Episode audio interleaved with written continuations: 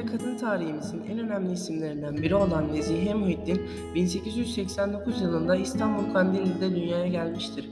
Çocukluğu 2. Abdülhamit dönemine denk gelen Muhittin, hayatı boyunca Trablusgarp Savaşı, Balkan Savaşları, milli mücadele, 1. ve 2. Dünya Savaşlarına tanık olmuştur. Muhittin'in asıl mesleği öğretmenlik olmakla birlikte tarih kendisini hem romancı, hem gazeteci, hem de kadın hakları savunucusu olarak yazmıştır.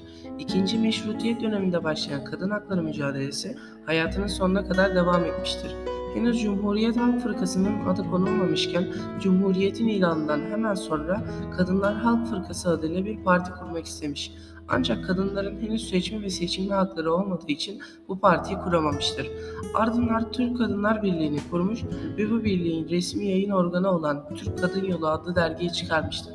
Muhittin bu dergide birçok yazı yazmış ve kadınların siyasal, sosyal haklarına yönelik birçok fikri kaleme almıştır. 1931 yılında Türk Kadını adlı bir kitap çıkarmış ve bu kitabı Mustafa Kemal Atatürk'e ithafen yazmıştır. Nezihe Muhittin'in romanlarının büyük bir kısmı Türk Kadınlar Birliği'nden ayrıldıktan sonra yazmıştır. Muhittin, Halide Edip adı var, Şüküfe Nihal gibi önemli kadın isimlerin çağdaş olmasına rağmen Türkiye'de kadın çalışmalarının artması ile birlikte tanınmaya başlamıştır. Bugün Türk kadın haklarının kazanılmasında büyük bir emeği olan Nezihe Muhittin 1958 yılında vefat etmiştir.